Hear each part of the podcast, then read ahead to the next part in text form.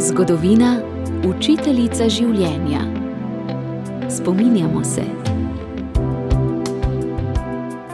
Na današnji dan 1859 se je v Zadlogu nad Idrijo rodil filozof, pisatelj, urednik in duhovnik Frančišek Lampe. V ljubljanskem bogoslovju je predaval filozofijo in dogmatiko.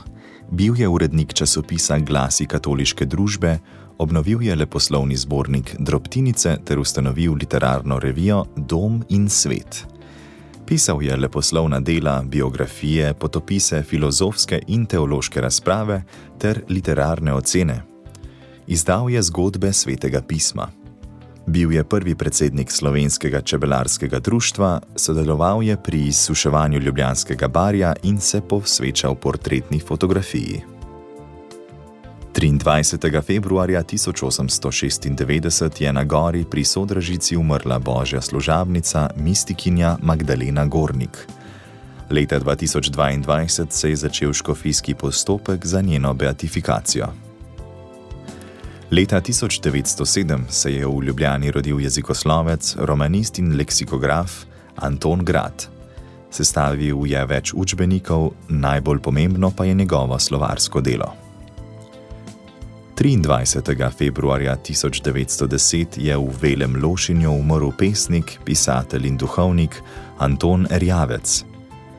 Pesmi in mladinsko prozo je objavljal v Domu in svetu, Angelčku ter Vrtcu.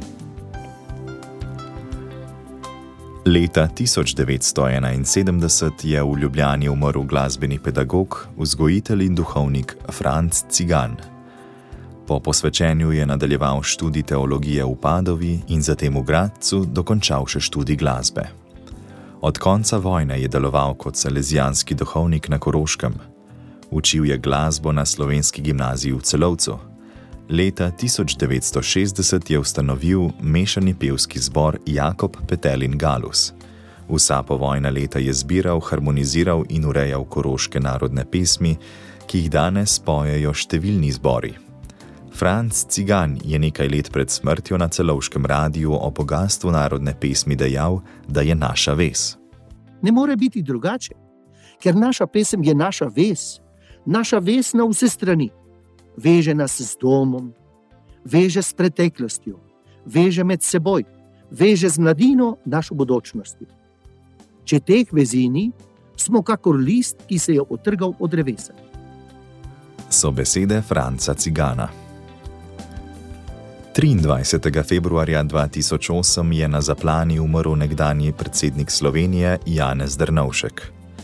Napisal je dela Misli o življenju in zavedanju, Bistvo sveta in pogovori.